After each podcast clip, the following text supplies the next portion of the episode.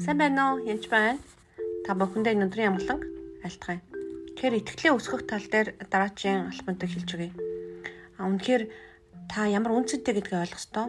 Эзэн дотор ямар үнэтэй вэ? Таны та цоошин бүтээл болсон бөгөөд үнэхээр таны аврал үнцэнтэй гэдгээ сайн ойлгох явдал маш чухал. Тэгэхээр илчил 3-ын 20 3-ын 3-аас 22-ыг уншиж өгье. Тиймээс чи юу хүлээн авсан болон сонсноо сана. Түүнийгээ сах, гимш, Хэрв чи сэрэхгүй бол би хулгайч мэд очино. Ямар цаг чам дээр очихыг минь чи мэдэхгүй. Харахтун би үүдэн дээр чинь тусгад тогшож байна. Хэрв хэн нэгэн дууг минь сонсоод үүдээ нээвэл би дотгоч түүн рүү орж түүнтэй хамт тэр надтай хамт хоолно. Би яалж эцгийнхээ хамт сэнтид заларсны адил надтай хамт сэнтид минь залрахыг ялагчд сойрхно. Чуулгануудад сүнс юу айлдаж бүг чихтэн сонсогдов. Тэгэхээр энэ дээр сайн мэдээний юм ярьж байгаа. Би үүдэн дээр чинь тосоод тогшож байна. Тэр ингэр хаалгаа нээгээд дуугмсаад хаалгаа нээсэн хүнд би орж түндээ орж түнтэй хамт хоолно. Зүгээр хоолоо зогсохгүй түүний амьдралд ороод өдөртөхөөс гадна би өөрөө ялна гэж байна. Есүс ялна. Эцгийн хамт цэнтий залрахад тэр ялагчд яг уу натаа хамт суух эрхийг болгоно. Нүгээр эзэн тэр хүнээр бидний аврал бол одоо үгийн Есүс Христ цавдлагдоод Есүсийг хүлээж авахаараа одоо өөхөхтэй ч юм уу одоо дахин өөхөхтэй бидний гим нүгэл алга болсон учраас бид нар бурхан дээр диваажинд очноо. Тэр болтын дэлхийд одоо хэрэггүй ч юм уу тийм ойлголтууд байдаг л да. Яг тийм биш.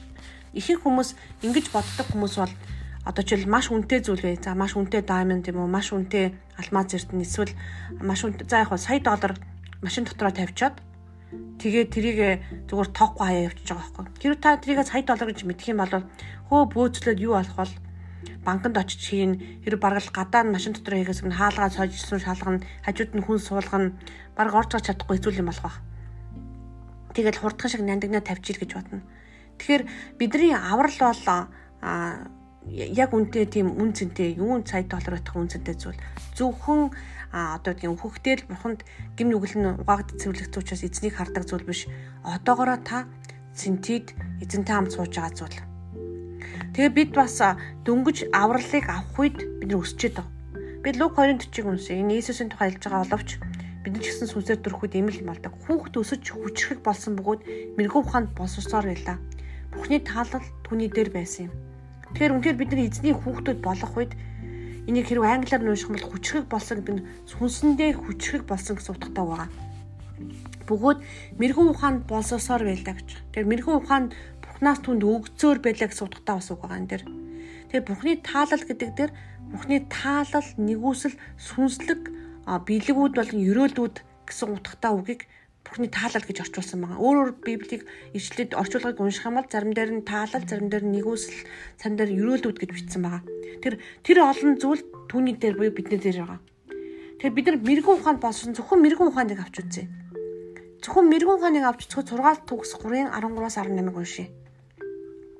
Бид нар зөвхөн үнэхээр сүнсээр Иесусээс дахин төрөх үед сүнсээр дахин мэрэгэн ухаан Бурханаас өгддөг бөгөөд биднэрт өгддөг ба Бурхан биднэрт мэрэгэн ухаан өгдөө гэсэн. Тэр мэрэгэн мэрэгэн ухааны бэлэг авяасаас гадна бүр Бурханы мэрэгэн ухааныг биднэрт өгддөг байгаа. Тэр тэр нь болсож буюу өсдөг байгаа бас. Тэр мэрэгэн ухааныг олдог хүн ухаан бодлыг өөрийн болгодог хүн өрөөлтөө ёо. Ашиг нь мөнгөнийхоос ч илүү, орлого нь алтныхаас ч илүү, энэ нэрдэнсээс ч илүү нандин Тэр нь хүсэл татагч юутаач зүрлэшгүй. Түүний баруун гарт нь урт удаан амьдрал, зүүн гарт нь баялаг алдарсуу бий. Зөвхөн мэрэгэн ухаантай болохгүй тэр мэрэгэн ухааныг мэдэх үед яаж ийн баруун гарт нь урт удаан амьдрал. Тэр бид нэр аврал урт удаан амьдрал яг уу байна гэсэн. Үүний зүүн гарт нь баялаг бас байгаа. Бас алдарсуу байгаа. Та нарыг сүүл биш толгой олно гэж хэлсэн гэсэн үг. Түүний зам нь тааламжид бүх чим нь амар тайван түүнээс зургасад тэр нь амийн мод түүний даруй барьж авахсад нь өрөөлтөөё гэж. Зөвхөн мэрэгүн ухааныг барьж авсан үний тухай ярьж байгаа шүү дээ.